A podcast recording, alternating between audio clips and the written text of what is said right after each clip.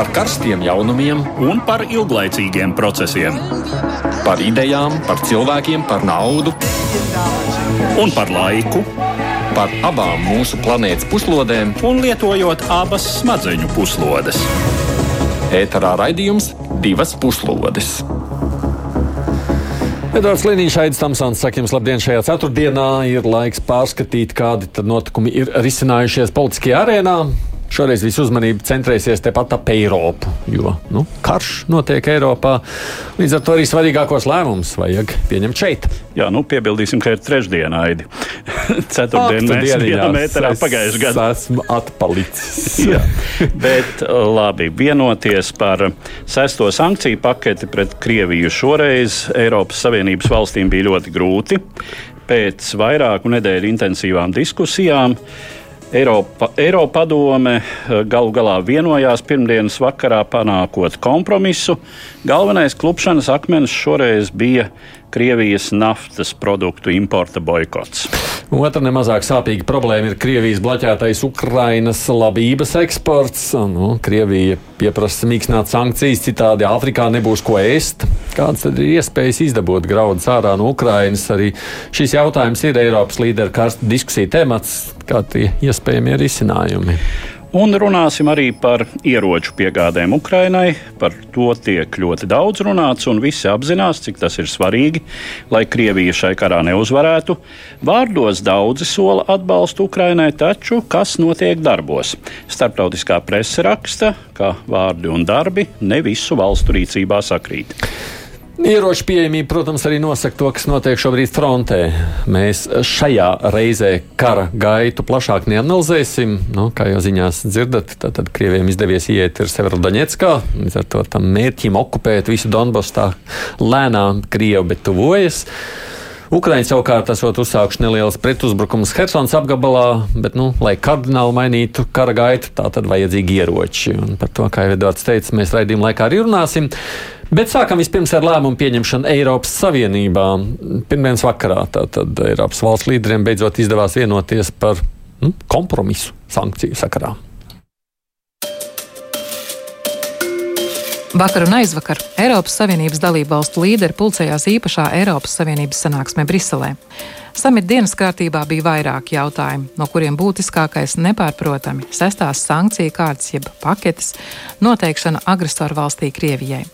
Šī sankcija kārta ietver arī naftas importa embargo, kas ļoti būtiski ietekmētu Krievijas ienākumus no ārējās tirzniecības, jo jau naftas eksports veido apmēram ceturto daļu no Krievijas eksporta kopapjoma. Tomēr līdz šim Eiropas Savienības rīcību šai ziņā bloķēja Ungārijas un arī Slovākijas iebildumi, jo šo valstu degvielas tirgū piegādēm no Krievijas ir vitāli svarīga vieta. Čehija un Bulgārija, paužot principiālu atbalstu embargo, tomēr izteikušas vēlmi pēc pietiekami ilgiem pārejas periodiem, lai to ekonomikas sankciju rezultātā neciestu vairāk kā pašas Krievijas ekonomika. Tāpat iebildumi bijuši arī Grieķijai un Kiprai, kuru kuģniecības kompānijas iesaistītas Krievijas naftas transportēšanā. Galu galā šonadēļ Briselē tika panākts kompromiss. Embargo tiek noteikts naftas produktu piegādēm ar tankuģiem, kas veido apmēram divas trešdaļas no kopapjoma, kamēr piegādēm pa cauruļvadiem tas pagaidām tiek atlikts. Sestā sankcija kārta paredz arī slēgt no SWIFT sistēmas vairākas bankas, tā skaitā finanšu konglomerātu Sberbank, lielāko Krievijas banku. Tāpat tiks aizliegta vēl trīs Krievijas valsts īpašumā esošo telekanālu translēšana Eiropas Savienībā. Sankcijām pakļauta arī virkne personu, starp kurām ir Krievijas militāra personas, kuras atbildīgas par kara noziegumu pastrādāšanu Krievijas okupētajās teritorijās un nesaudzīgo rīcību pret civiliedzīvotājiem, ieņemot Mariupoli. Samitā tika lemts arī par turpmāku finansiālu, militāru un humānu atbalstu Ukrainai un Ukraiņu bēgļiem Savienības valstīs sadarbību Krievijas pastrādāto kara noziegumu izmeklēšanā, globālajām pārtikas apgādes problēmām, Eiropas Savienības ārējās drošības un enerģētikas jautājumiem. Mūsu raidījumam šobrīd pievienojusies mana kolēģe Latvijas televīzijas žurnālisti Ilza Nagla. Sveiki, Ilze! Sveiki, kolēģi! Un arī Eiropas parlamenta viceprezidents Roberts Zīle. Labdien! Labdien! Ko sakāt par to sankciju paketi? Ilzi, tas tā kā tāds labākais iespējamais kompromiss bija, kas parādījās. Nu, ar šo sankciju paketi sestā tā ir principā visjaudīgākā no visām, kas uz šo brīdi ir bijušas pieņemtas. Un tā stīvēšanās un tielēšanās gāja ilgi, gandrīz mēnesi. Tiešām, kā jau paši arī minējāt, tad Ungārijas pretošanās tam bija viens no lielākajiem klupšanas akmeņiem. Var jau, protams, saprast arī Ungāris, jo skaidrs, ka Ungārijai nav ostas. Viņi naftu iegūst tikai pa cauruļvadiem, tad viņiem alternatīvās piegādes ir, ir sarežģīta alternatīva piegāžu atrašanai. Un viņiem arī visas rūpnīcas, kas pārstrādā naftu, ir specifiski uz, orientētas uz Krievijas naftu.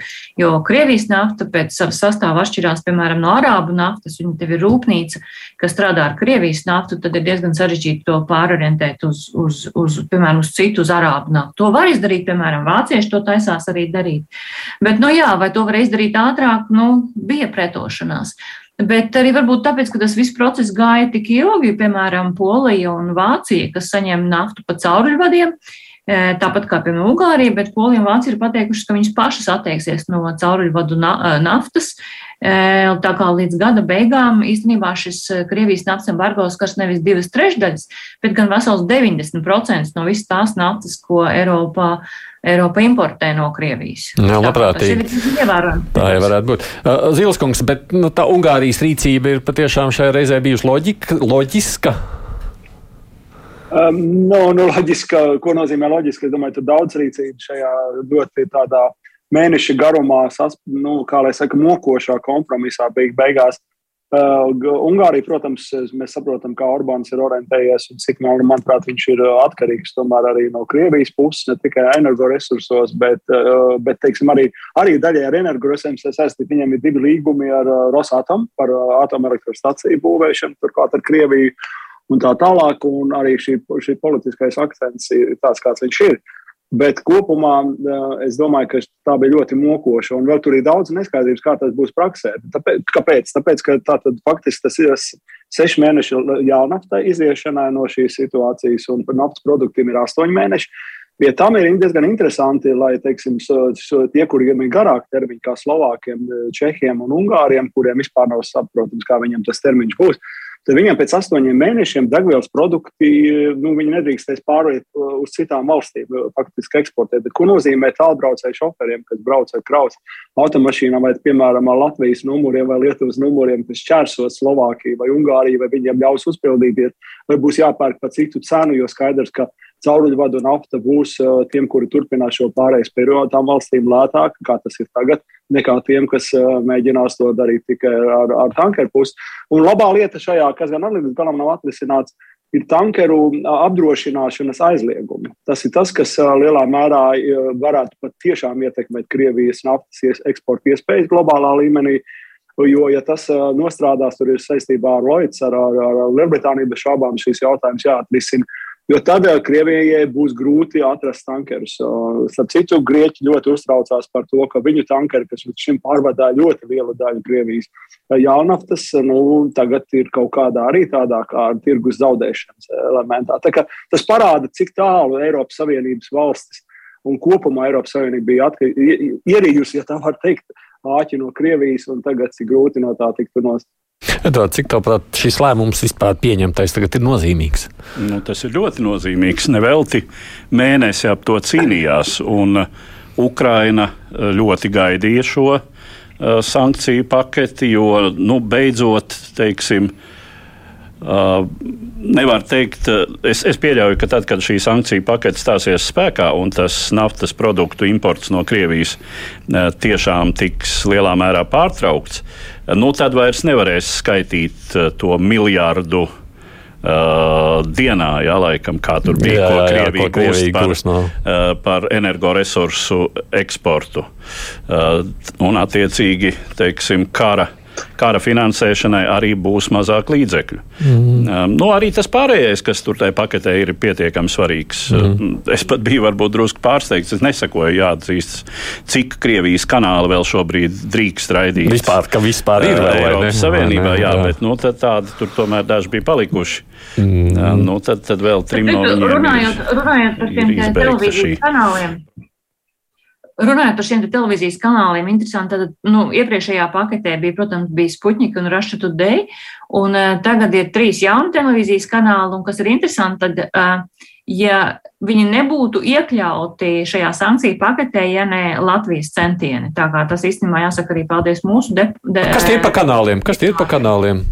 Tie ir uh, trīs kanāli Rasija RTR, Rasija 24 un TV Centra International. Mm. Tie tad būs šajā jaunajā uh, paketē iekšā un tiks atslēgti. Mm. Jā, tie ir taisnība sakot, ne ar ko nedaudz labāki par Russia Today. Jā, Cik es atceros, jā, jā, jā, raidījums, kurš kādreiz ir nācies, nācies uzslēgt. Tas fakts, Zilskungs, ah, Zilskungs man pazūd, tad, tad Ilis turpinās pa priekšu. Tas fakts, ka līdz gada beigām, no proti, tas lēmums nav tāds, jo daļa sankcijas, kā zināms, vienmēr jau stājas spēkā, tad tik līdz tās pieņem un publicē. Šit mēs gaidām naftas ziņā līdz gada beigām. Tas ir tā kā pareizi, loģiski saprotami. Nu, tas ir tehniski, tas ir, nu, ir arī tehniskā puse šim visam, šī, šai, te, kā lai saka, naftas, naftas atslēgšanai. Bet, um, protams, nevajag iedomāties, ka Krievija tāpēc, kā lai saka, vairs nevarēs nevienam savu naftu tirgot, ja Eiropa viņu nepirks. Piemēram, ja es, es lasīju Financial Times, viņi sarēķinājuši, ka šobrīd, piemēram, Indija, Ķīna un Turcija Krievijas jēlnaftu pērk vairāk nekā pirms kāra, tāpēc, ka, nu, cena ir laba un pasaules tirgu mēs redzam, ka naftas cenas kāpj. Un šī Krievijas jēlnafta dažiem iet ļoti piesirds. Tiesa gan pašas e, naftas produktu eksports no Krievijas e, dramatiski ir krities.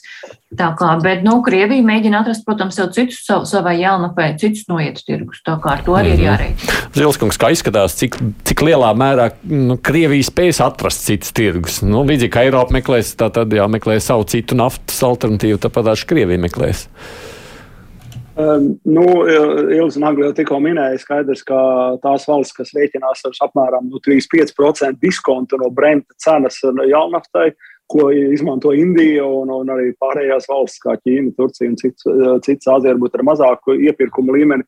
Skaidrs, ka tas turpināsies. Ja, protams, nenostrādās kaut kādā globālā līmenī šis tankeru apdrošināšanas aizliegums, kas varētu traucēt šīs piegādes Krievijai veikt, bet uh, to es nevaru šī brīdī, ne, ne tikai es, bet es domāju, arī vairāk eksperti neredz, uh, kā tas īstenībā ietekmēs. Bet tas varētu vismaz teorētiskā līmenī ietekmēt Krievijas iespēju eksportēt naftu. Uh, nu tāda, tādiem žēl tā situācija ir. Skaidrs, ka, ja ir liels diskonts cenai, tad tās valsts, kas nepievienojās sankcijām, protams, to izmantos. Jautājums, vai tas ilgtermiņā Krievijai ir kaut ko dod un ko, kā reaģēs teiksim, šajā gadījumā OPEC valstis, nu, grūti pateikt. Es gan saprotu, cik es skatījos arī uh, pašu Krievijas ekonomistu vērtējumu, sakot, ka, jā, nu, protams, kaut ko vairāk tā iepērk Ķīna un Indija, bet nu, viņu arī tās iespējas tur baigi vairāk. Nu, proti, to, ko Eiropa ņēma, to nu nevarēs. Jā. Nu, droši vien, ka Ķīna un Indija Eh, nebūs gatavs maksāt eh, tik augstu cenu. Nu, tas arī Krievijai būs jādod nopietnāks atlaides, nu, un arī visas piegādes iespējas. nevarot paņemt to. Eh, arī ir krietni tālāks, protams, Jā. piegādes ceļš. Un tas nav iestrādāts. Un, nu, ja izdotos tiešām, saka, traumēt šo mm, tankeru piegādes mm. plūsmu, jā, ar, ar aizliegumu, aizliegumu tos apdrošināt, nu, tad, tad būtu krietni grūtāk. Jā. Ilze, būs septītā sankcija pakete? Uh, droši vien, ka būs. Pagaidām par to netiek runāts, kas tajā varētu būt iekšā. Visticamāk, gāze tur nebūs iekšā, tāpēc, ka ar gāzi būs krietni, krietni sarežģītāk nekā ar naftu. Uh, Bet eh, nu, gāze jau pamazām pati sāk atslēgties. Pareizāk sakot, Krievi paši atslēdz gāzi. Vakar atslēdz Nīderlandē, šodien atslēdz Dānijai. Nu, pirms tam jau bija atslēgts eh, Somijai, pirms tam vēl Polijai un Bulgārijai. Nu, tad no lielajiem Baltijas valstis, eh, saprotu, nepērk šobrīd Krievu gāzi. Nu, tad tie lielie pircēji, protams, ir Vācija un Itālija.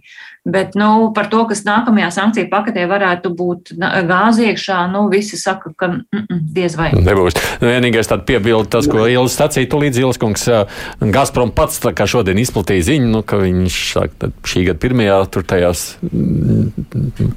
piecos mēnešos, laikam, jā, tātad eksportu viņi samazinājuši gāzes eksports par 27,5%, nu, kas ir vairāk nekā ceturtā daļa pats par sevi, tātad Krievu, nu, kā saka, Ielas lēnāk ar atslēdz šo gāzi paši. Bet, nu, turpiniet, Zilskungs.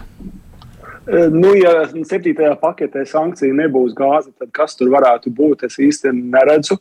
Un otrkārt, tā būtiskā lieta, ka Krievijai ir ļoti vājas sašķinātās gāzes eksporta industrija, ļoti vāja attīstīta. Līdz ar to viņa nevar to pārvest, to, ko Eiropā nepērk, nepirks pa cauruļu vadiem, ne, nepārdot kādiem citiem. Tas ir tā problēma, un gāzi tā nevar vienkārši izslēgt.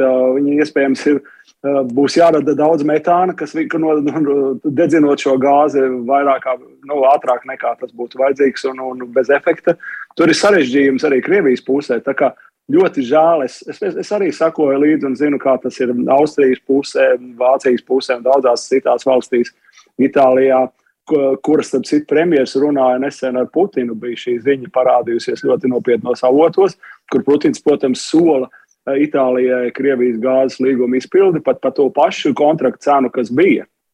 Tātad uz nākošiem trīs gadiem, un kā Dragi un viņa Itālijas sarežģītā valdība reaģēs uz to, kurai domas dalās, kurā pusē nostāties Ukraiņas vai Krievijas, nu, ir grūti spriest, bet skaidrs arī tas, ka, un es domāju, Eiropas parlaments noteikti iztaujās Eiropas komisiju, kā tad tiks piemērots šie rubļu norēķini ar Gazprom banku, uh, jo Itālijas un Vācijas kompānijas nu, faktiski iepirks gāzi pēc Gazprom bankas noteikumiem.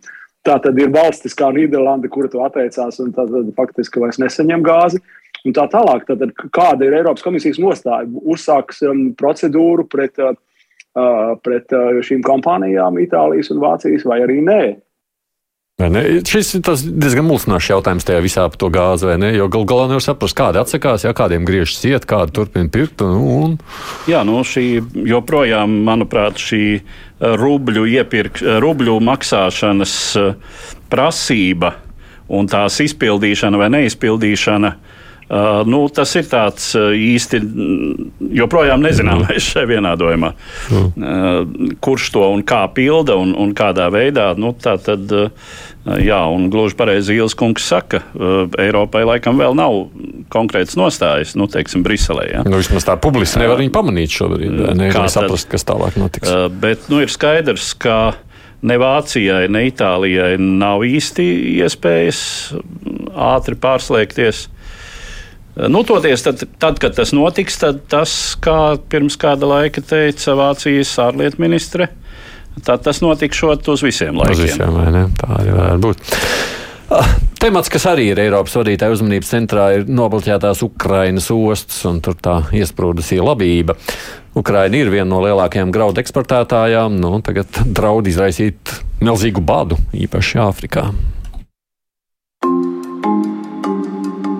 Jau marta vidū ANO ģenerālsekretārs Antonio Guterres nāca klajā ar brīdinājumu, ka Krievijas iebrukums Ukrainā draud ar bada viesuļvētru un globālās pārtikas sistēmas sabrukumu.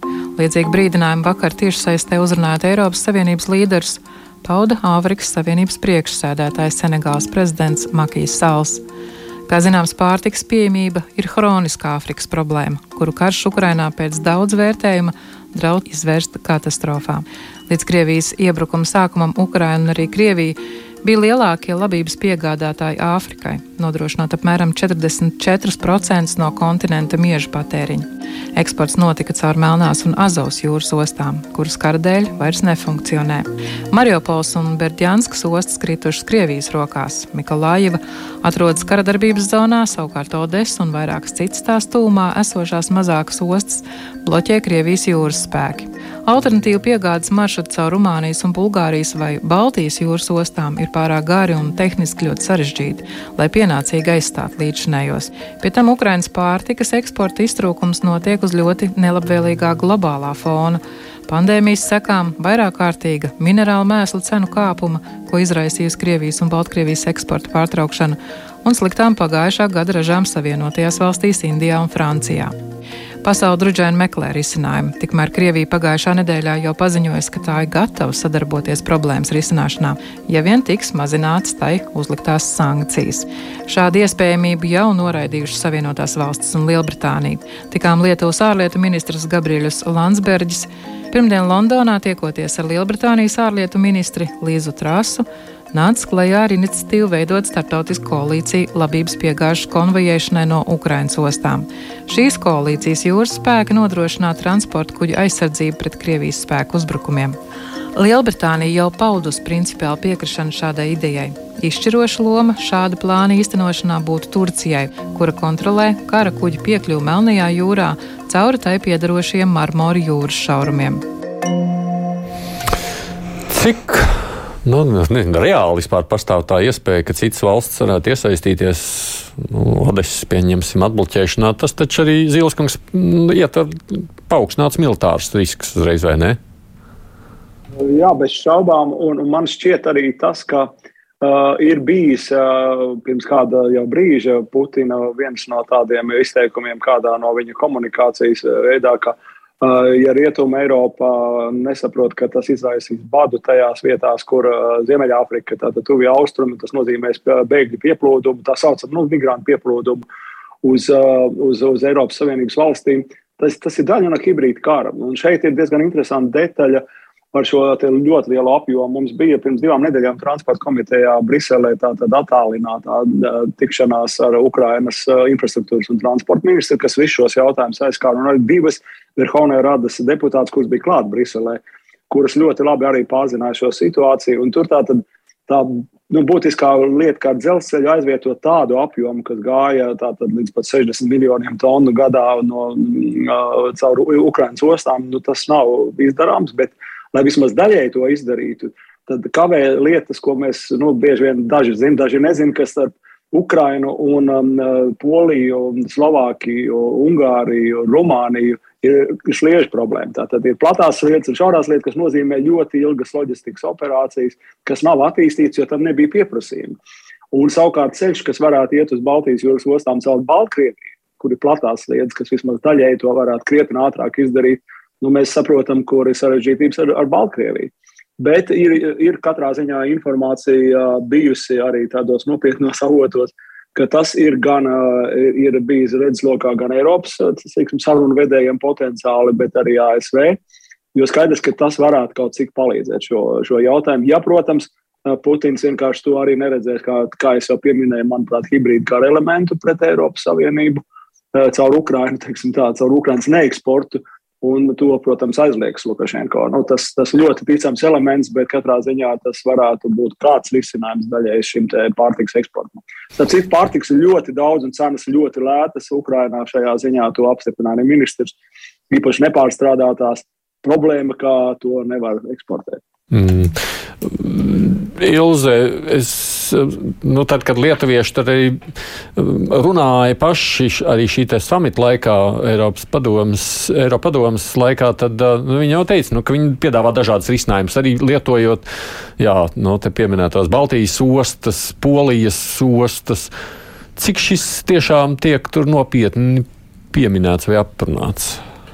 Um, es runāju ar premjeru par šo, jo arī Latvijas ostu vārds ir izskanējis, ka varētu arī caur, caur, caur Latvijas ostām sūtīt. Bet uh, tas, esot, esot par to aprunāts, tās varētu tāds gan tāds kulārs sarunas, bet, protams, ir tas, tas, tas risks ir, ko Zilskungs saka. Uh, tas iet caur Baltkrieviju, un Baltkrievija par šo nepakautrēsies paprasīt kaut ko pretī. Tur var būt jebkādas prasības, tā skaitā sankciju atcelšana. Eh, un eh, jautājums ir, protams, vai, vai ja, ja tā ir daļa no Putina tādas stratēģijas, eh, nepieļaus šo graudu un labības eksportu, tad nu, skaidrs, vai jautājums arī, vai Lukašenko pats būs gatavs iet uz šādiem riskiem. Tā kā tas ir sarežģīti, un es piekrītu par to, ka eksportēt caur, piemēram, caur Rumānijas ostu, es zinu, ka iet, iet Ukrainas, Ukrainas graudu, te, tur, kur ved, ved ar, ar, ar, ar, gan ar vilcienu, gan arī ar automašīnām, un tad eksportē. Viņi paši saka, tādā tempā eksportējot, viņiem vajag trīs gadus, lai visu izvestu. Skaidrs, ka tik daudz laika nav. Skaidrs, ka tur tā caurlaid, caurlaidība ir, ir, ir stipri mazāka. Bet nu, viens tāds varbūt nezinu, pozitīvs aspekts, redzēsim, kā tas e, realizēsies. Pagājušajā nedēļā bija ziņā ASV medijos, ka Dāņi sūta uh, uz Melno jūru uh, kādu īpašas pret kuģu harpūnas un kaut kādus šaujamos, kas tieši varētu varbūt eh, palīdzēt eh, mazināt šo blokādi ap Odesas ostu. Bet nu, ir jāņem vērā, ka tur, protams, ir arī dažādas mīnas izvietotas eh, gan no Krievijas puses, gan arī no pašu Ukraiņu puses, lai aizstāvētu Odesas ostu. Tā kā tās ostas blokādes mazināšana var būt sarežģīta, pat tad, ja vēl nāk papildus klāt ieroči.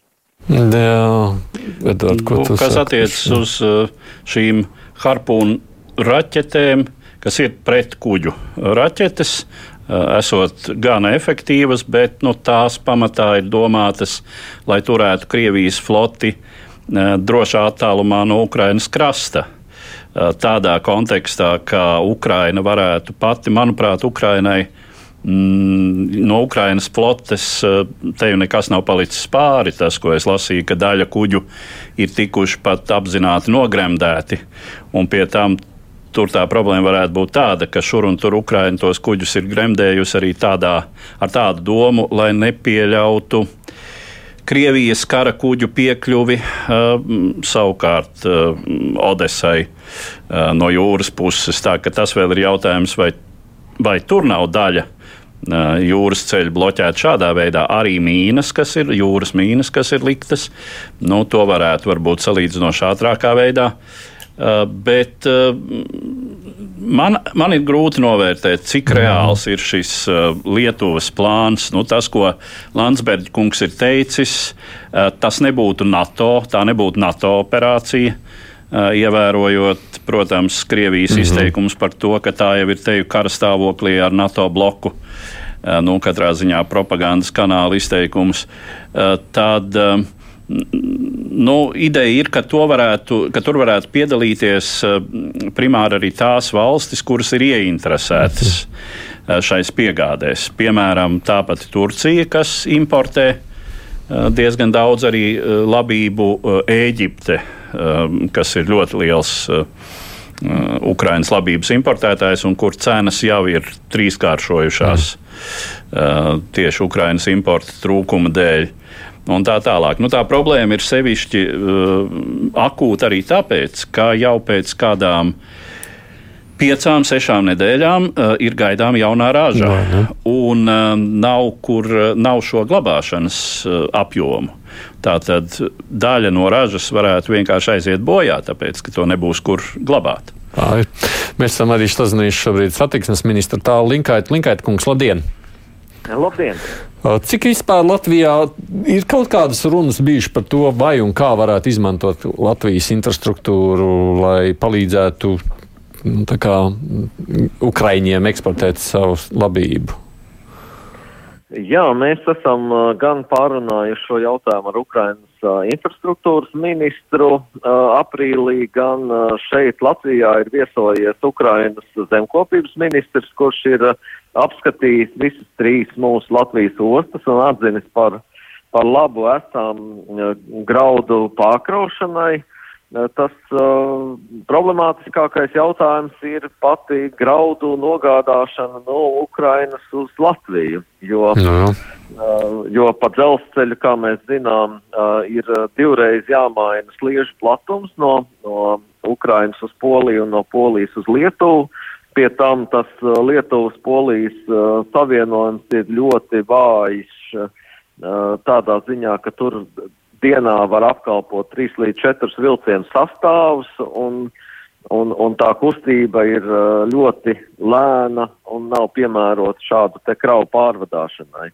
Tā kā mums galvenais ir, lai, lai šīs te kravas kaut kādā veidā atnāk līdz Latvijai, tad tālāk jau mums ar pārkraušanu kā tādu problēmu nav.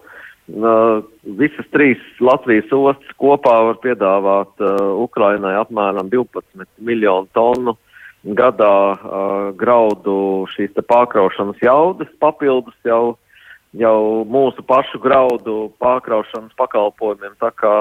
Nu, es, pie, es pieļauju jau arī, ka kaut kāda vilciena vagona vajadzības gadījumā arī būtu, vai ne, ko var nu, sūtīt. Nu jā, tur es zinu, ka atsevišķas tādas nevis pašu graudu krāvas, bet, bet specifiskas lauksaimniecības produktu bēram krāvas jau ved uz liepāju ar automašīnām. Tās cenas uh, pasaules tirgos ir tādas, kā atmaksājas faktiski vest arī ar, ar mašīnu, bet tādā veidā lielus apjomus uh, pārvadāt nevar un, un tas nekādā veidā neatrisina Ukrainas graudu problēmu. Nu jā. Paldies satiksmes ministram. Paldies par sarunu. Tāls Linkaits. Izdosies tur kaut kādu risinājumu, jūsuprāt, rast? Zīleskungs.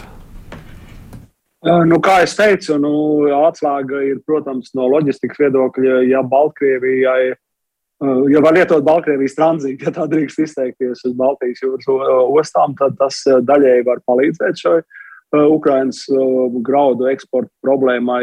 Ja nē, es godīgi sakot, neredzu to situāciju. Mums ik pa brīdim ir iztaujāšana arī Eiropas komisārei, transporta atbildīgai. Nu, nav tāda īsti laba risinājuma šajā gadījumā. Amerikas Savienotās valsts, nu, vismaz presē bija ziņa, ka esot šobrīd nu, tādās pārdomās, varbūt kaut kādas sankcijas var Baltkrievijai, pieņemsim, attiecībā uz Belarus kalī, mīkstināt, no nu, tad, lai Baltkrievija ļautu. Ko jūs sakāt par šādu iespēju? Es domāju, ka tas ir tā atslēga, ja tas jau arī pieminēja, tad jautājums, kāds būs tā tā samaksa sankciju kontekstā vai kā citādi, un cik neatkarīgs ir Lukašenko no Putina šādu lēmumu pieņemšanā. Te ir tas elements, jo, nu, ja mēs tā padomājam, ja, ja, ja, ja, ja, ja Krievija tik agresīvi faktiski dara to, lai Ukraina vispār nebūtu pieeja pie jūras ostām un, un Melnajā jūrā, tad kāpēc ļaut savam nu, vasalim vai partnerim, kā lai to sauc, Baltkrievijas vadītājam, nu, darīt kaut ko citu? Nu, es, es nezinu, es, es domāju, tur kaut kāda loģika trūkst tādam lēmumam. Ilzi, kā tev šķiet, ir iespējas tur atrast kādu risinājumu? Es zinu, ka tāds tiek, tiek meklēts un tiek apsvērts arī šis Baltkrievijas variants, bet es domāju, ka tas būs pēdējais, pie kā ķersies, jo tā cena, kas būtu jāmaksā, ja pat ja Kremlis atļauj Lukašenko kaut ko tādu darīt, tad tā būs arī diezgan dārga cena no Eiropas puses, kas tiks prasīta sankciju atcelšanā. Tā kā es domāju, ka tas būs pēdējais ceļš. Un ja vispār viņš eksistē, tā kā to mēs arī nezinām. Kas nozīmē, Edvard, jāgatavojas mums ir ar sliktām ziņām pārtiks jomā, īpaši. Mums, Jā, teiksim, relatīvi sliktām, kas vienkārši ir dārgākas cenas. cenas bet, eh, jā, nu, ja runā par pasauli un Āfriku, pasauli, sevišķi par to reģionu, par Āfrikas valstīm, tas tiešām ir pietiekami nopietni un Nu, jāsaka, kā ir. Krievijai šai, šis ir vēl viens ietekmes instruments. Es pieļauju, ka tas bija jau ierēķināts sākot šo kara darbību.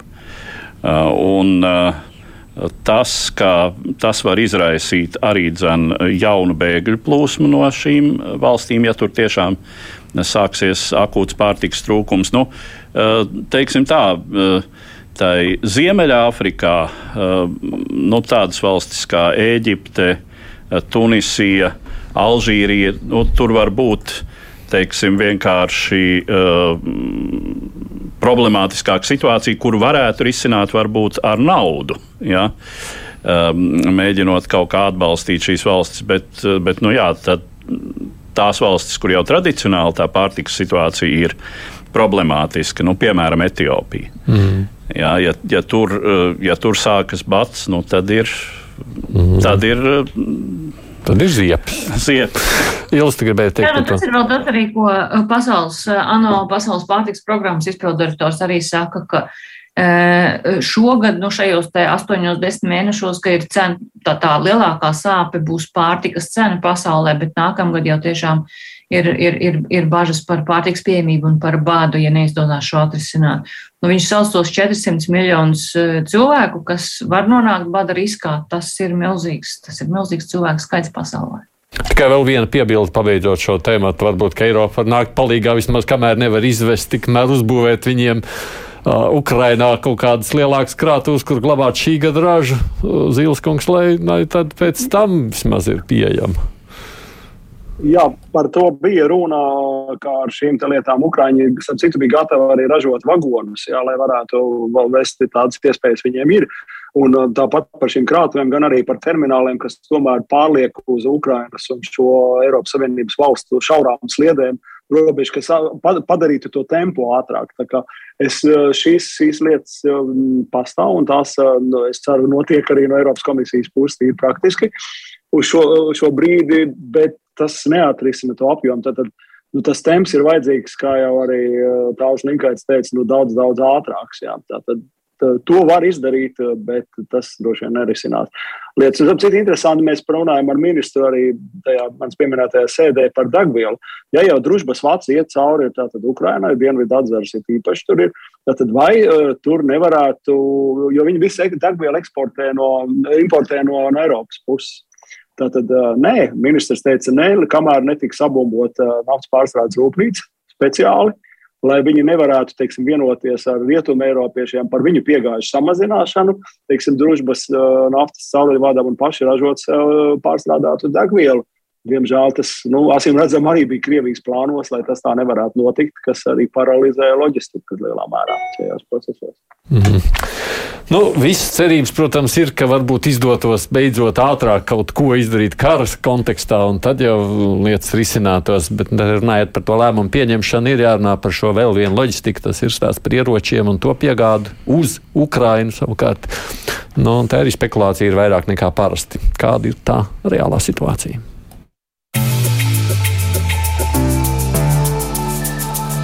Jau kopš Krievijas uzbrukuma Ukrainai militārais atbalsts varonīgai nācijai cīņā pret lielā kaimiņa agresiju ir pastāvīgā uzmanības degpunktā. No vienas puses, tādu vai citādu militāro palīdzību Ukrainai sniegušas vairāk nekā 30 valstis, tā skaitā vairums NATO dalību valstu. Šīm piegādēm nenoliedzami bijušas ir izšķiroša loma Ukrainas līdzinājā sekmīgā pretestībā Krievijas uzbrukumam kas likusi Krievijas spēkiem pamest vairākus iebrukuma sākumā okupētus Ukrainas rajonus. Tomēr no otras puses, Ukraiņas rīcībā joprojām nav ieroči, kas ļautu domāt par plaša mēroga pretuzbrukumu, atbrīvojot Krievijas sagrābtos apgabalus valsts dienvidos un austrumos. Krievijai koncentrējot spēkus, tā izdevies izvērst uzbrukumu Donbasā, draudot izspiest Ukraiņu spēkus no vēl atlikušās Luhanskas apgabala daļas. Vēl pagājušo nedēļu vairāki Ukraiņas pārstāvi pauda neapmierinātību un pat sašutumu par smago ieroču piegāžu gausumu, izsakot aizdomas par rietumu valstu vārdu un darbu nesakritību šai ziņā. Šķiet, ka pēc šiem skarbajiem izteikumiem ledus ir sakustējies, vismaz tālšāvēja haubiču piegādēs. Tagad uzmanības centrā nonāca cits bruņojuma veids - universālās raķešu palaišanas sistēmas, kas ļautu Ukraiņu spēkiem dot triecienus ienaidnieka komunikācijām tālais frontes līnijas. Tomēr šo sistēmu piegāda Ukrainai kavējas un medijos ir izskanējuši pieņēmumi, ka rietumu partneri baidās piegādāt Ukrainai ieroci, kas var sasniegt mērķus arī dziļi Krievijas federācijas teritorijā. Galu galā šonadēļ prezidents Džo Baidens paziņoja, ka Savienotās valstis piegādās Ukrainai augstas mobilitātes raķešu palaišanas sistēmas. Tiesa, Ne ar tālākas darbības rādījus raķetēm, kas var sasniegt mērķus līdz pat 300 km attālumā, bet tādām, kuru sniedzamība ir līdz 80 km. Jau tradicionāli par neproporcionāli mazu militāro atbalstu Ukrainai tiek kritizēta Vācijas valdība, kas smago ieroču jomā gatava līdz augustam piegādāt vien 30 no aktīvas lietošanas izņemtās pašgājējas zenīta artilērijas iekārtas Gepard. Jau daudzkārt izskanējuši pieņēmumi, ka Vācija un arī Francija kavējas nopietni militāri atbalstīt Ukrainu, cerot panākt sarunu uzsākšanu ar Krieviju un uguns pārtraukšanu. Zinot Krievijas pozīciju, ir skaidrs, ka šādas sarunas draudētu ar pašreiz okupēto teritoriju palikšanu Krievijas kontrolē uz nenoteiktu laiku.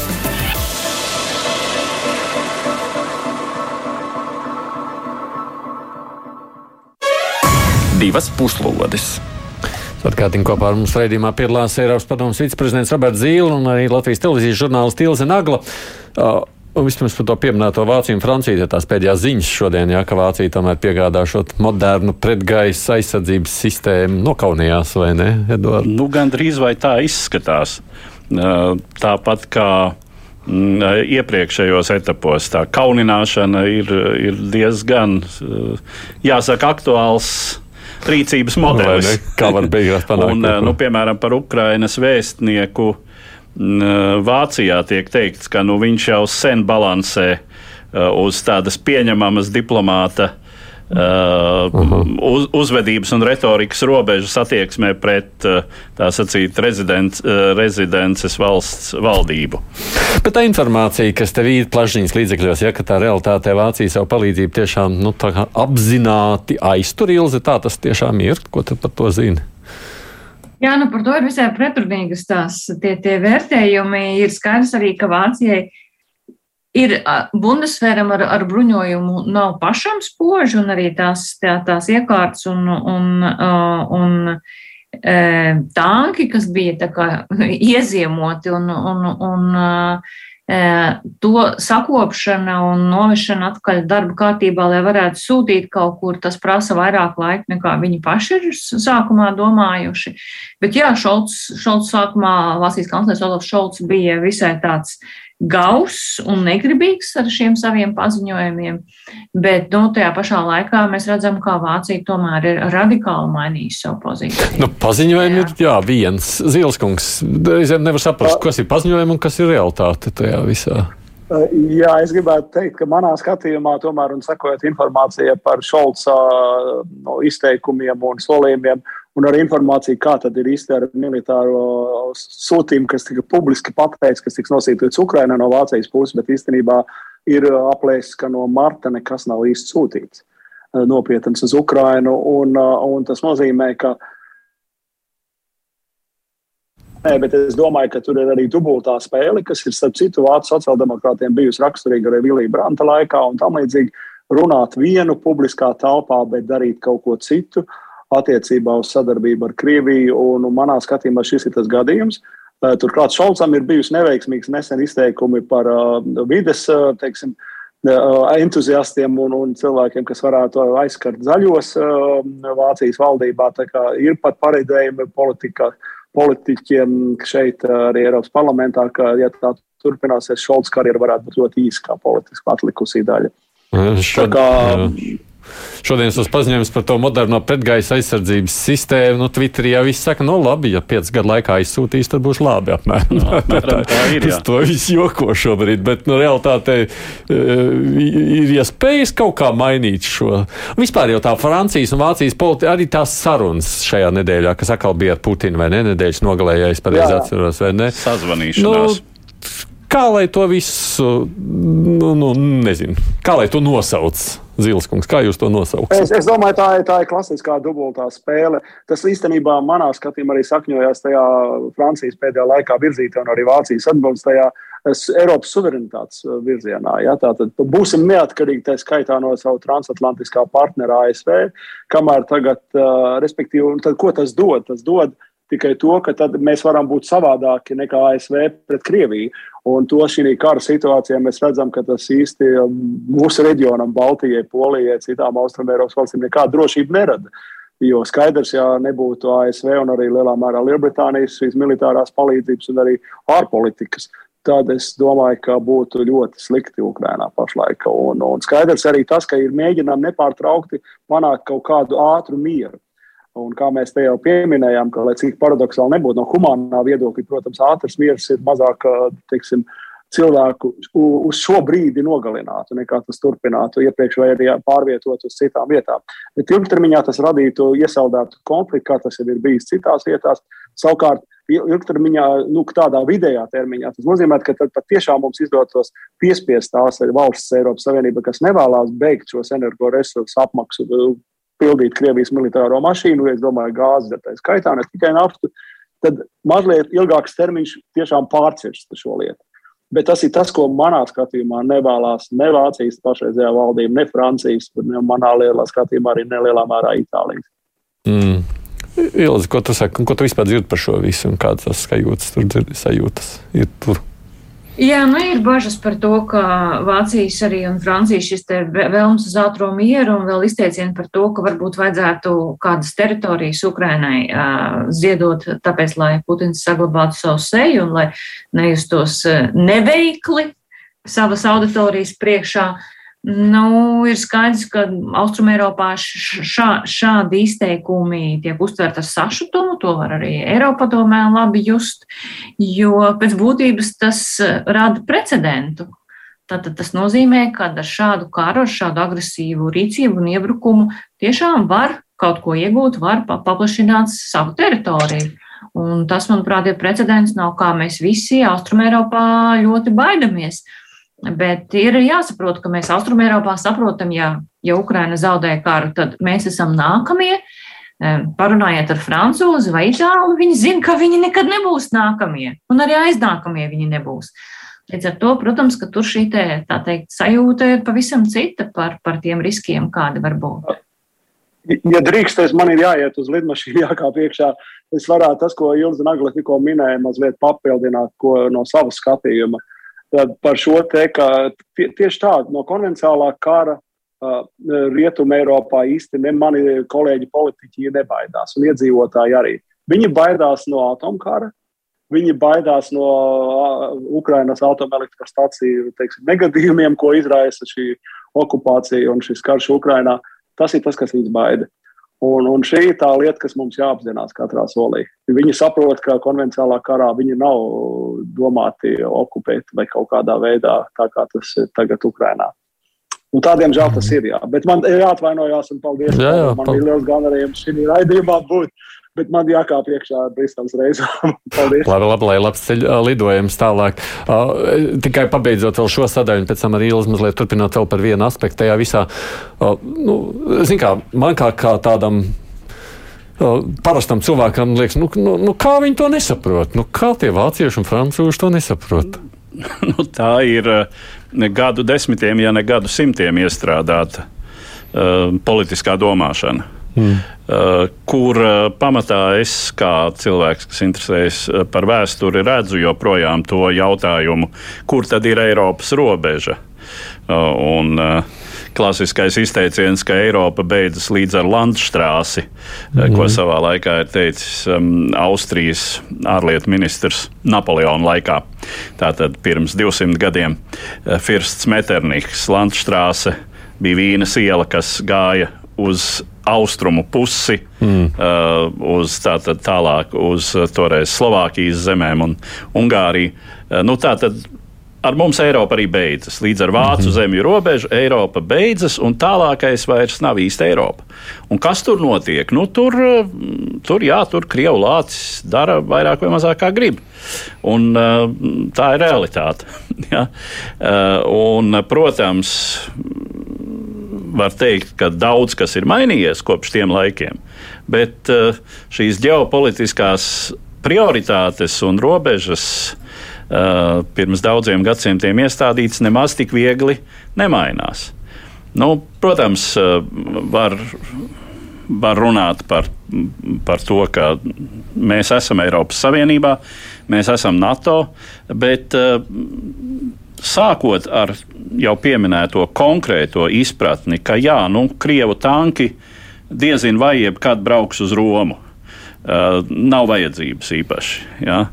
Un gan jau tas paliks tur, uh, tur Austrum Eiropā, uh, bet uh, mūs vairāk uztrauc, nu, teiksim, itāļus, mm. frančus vairāk uztrauc tas, lai tiešām um, Putins nonācis uh, galīgā frustrācijā, nenospiestu sarkano pogu. Mm -hmm. uh, un, uh, nu, un, teiksim, jā, vis, visi pārējie jautājumi. Vai Bats Āfrikā neizraisīs bēgļu plūsmu uz Eiropas dienvidiem un tā tālāk. Un tas, protams, ietekmē šo ieroču piegādi. Ja mēs redzam, nu, teiksim tā, Francija ir piegādājusi tās uh, haubicas, uh, mm -hmm. Cēzara vai Cezāra, uh, kā nu tās sauc, kurā, kurā valodā. Ja? Uh, tā tad, kas ir diezgan labs ierocis un, un labs papildinājums Ukraiņas arsenālam. Nu, Vācija tagad solīt sola. Un, protams, tas, ja tas tiks un kad tas tiks piegādāts, tas arī būs liels atspējs, jo šobrīd Krievijas aviācija frontē joprojām spiež Ukraiņu spēkus pie zemes, tur, kur tā darbojas. Uh, Uh, un uh, par Itāliju vispār ir tā, ka paskatoties, teiksim, es pirms raidījuma paskatījos tos sarakstus, kas tad ko ir piegādājis. Jā. Nu, itālieši tikpat kā neko nopietnu nav mm. piegādājuši. Vai viņiem vispār ir kaut kas? Nu, jā, jautājums ir par, par kapacitātēm. Lai gan nu, ir, ir Itālijai. Šis tas jau ir. Savukārt tās izteiktās, ir vēl divas lietas, man liekas, kas šajās pēdējās dienās pievērsa preses uzmanību. Tātad amerikāņu teiktais, un tas vairāk par amerikāņiem, ka viņi nepiegādās tālās darbības raķetes. Jā, piedod, nu, tur gan arī ir joprojām tā. No, Baidens ir teicis jā, vienu, jā, un, un, nē, nu, un senāta pārstāvja ir drusku kaut ko citu. Bet tur bija runa tā, tad Baidens teica 300 km. Nē, bet nu, tagad sūtīs tos, kas ir līdz 80 km. Ilze, tās bailes, cik tavuprāt ir tiešām jūtamas vai pamatotas, nu, ka lūk, tad Ukraina dabūs ieročus, apšaudīs Krievijas teritoriju. Nu, vismaz tā tas tajā publiskajā telpā tiek argumentēts. Nu, tās bažas, protams, tādas ir, jo, ja no amerikāņu piegādātajiem ieročiem tiks apšaudīta Krievija, tad ir skaidrs, ka pastāv risks, kā Krievi to interpretēs, kā amerikāņu uzbrukumu Krievijai, vai ne? Ja mēs runājam tieši par Krievijas teritorijā, bet, nu, es saprotu, tā vienošanās ir panākta, un Vladimirs Zelenskis ir apsolījis, ka uh, no šiem te amerikāņu šīs te augstas mobilitātes eh, raķešu palaišanas sistēmām tās tad netiks izmantotas, lai apšaudītu objektus Krievijā. Nu, tad uz šī solījuma pamata šīs raķetes tiks piegādātas. Tā kā, nu, tiek militāri eksperti saka, ka tas ir tāds ļoti izšķirošs solis, un, un tas var arī nosvērt par labu Ukrainai šo te militāros uzbrukumus, kas šobrīd, nu, mēs redzam, ka Nu, ir, ir problēmas, un, un neiet varbūt viss tik spoži, kā mēs gribētu, bet nu, kad, ši, kad tieši šo te ieroču piegādi varētu, varētu būt tas svaru kaus, kas nosvertu atpakaļ uh, par labu Ukraiņiem. Nu, nu, tā, tās tavs sacītais liek domāt, ka Zelenskim tā kā tic vairāk nekā nu, Putinam, ne arī nekā Šolcam, piemēram. Grūti pateikt, ir, kā ir aizklāsies tā sarunas, jo mēs jau par to varam spriest, protams, no publiskajiem paziņojumiem, vai ne? Tas, par ko Eh, par ko Baltais nams runā ar, ar Zelenski un kāda ir vienošanās un kā viņš var garantēt šo savu solījumu izpildi, to mēs nezinām. Jā, nu solījis viņš to ir patiešām. Lai gan, nu, Zelenska retorika līdz šim šai ziņā ir bijusi arī, es teiktu, pietiekami. Uh, nu, iedrošinoši mm -hmm. tā ziņā, ka viņš, ja viņš ir, saka, tad, tad viņš tā arī uh, jā, dara, jā. viņš ir arī, teiksim, runājot par Ukrainas kara mērķiem. Uh, ir, ir izteicies, ka viņš saprot, ka nu, teiksim, Krīmas atbrīvošana tādā tiešā militārā operācijā, pat ja tas no militārā viedokļa šķistu iespējams, ir mm. problemātiski, jo Krievija to uzskata par savu teritoriju. Nu, respektīvi, ka Ukraina to visdrīzāk nedarīs, kā arī Donbasā, nu, teiksim, primāri. Uh, mērķis būtu atgūt teritorijas, kas ir zaudētas pēc 24. Uh, pēc 24. februāra. Uh, un neieiet uh, nu, teiksim, tajās, kas ir jau kopš 2015. gada separātistu rokās. Uh, īsāk sakot, nu, ir pamats domāt, ka Zelenskis šai ziņā nerīkosies avantūristiski. Bet kas vispār Ukraiņai šobrīd ir pieejams, kas nav? Nu, nu, kā viņiem tad pietrūkt, kā lai viņi teikt, lai viņi laustu to kara gaitu? nu, jautājums par programmu minimums un programmu maksimums. Mm. Nu, programmu maksimums, protams, ja viņiem ir varētu piegādāt tankus, teiksim, labus, modernus mm. rietumu tankus, jo pagaidām viņiem tas, kas ir piegādāts, tie ir vēl Uh, padomju savienībā ražoti, gan modernizēti, kas ir bijuši Austrumēropas, respektīvi NATO, uh, tātad postpadomju mm -hmm. telpas NATO dalību valstu rīcībā. Uh, nu, vairāki simti tādu ir piegādāti, bet jā, šīs raķešu sistēmas kas tiešām uh, būtiski mainītu, kas faktiski uh, lielā mērā padarītu problemātisku Krievu iespēju koncentrēt spēkus nopietniem uzbrukumiem, nu, tādiem, kādi tagad notiek pie Severodonetskas. Mm. Nu, bet beigās dabūs Ukraiņu visu, ko viņiem vajag, kā tev šķiet? Uh, es domāju, ka vairāk es gribētu izteikt cerību, ka dabūs, vismaz dabūs tik daudz, lai lai uh, likvidētu Krievijas uh, iespējas nopietni, nopietni mm -hmm. paņemt kaut ko vairāk. Nu, jautājums par iespējām atgūt zaudētās teritorijas, nu, tas ir. Tas ir teiksim, vienādojums ar diezgan daudziem nezināmajiem, mm. ne tikai tīri militāriem. Paldies jums! Paldies, Ilze! Te piedod, es zinu, ka tu ievilki kalpu, bet es tev nākušreiz aicināsim. Labi! Latvijas televīzijas žurnālists Ilze Nagla uh, bija kopā ar mums vēl te pēdējās minūtes. Nu, studijā mēs, Edvards Liniņš, Aidis Tamsāns, Roberts Zīle jau ir cerams lidmašīnā. Producēja Junā, mēs tiekamies atkal ētrā pēc nedēļas, tad jau lūkosim, kā notikumi ir risinājušies tālāk.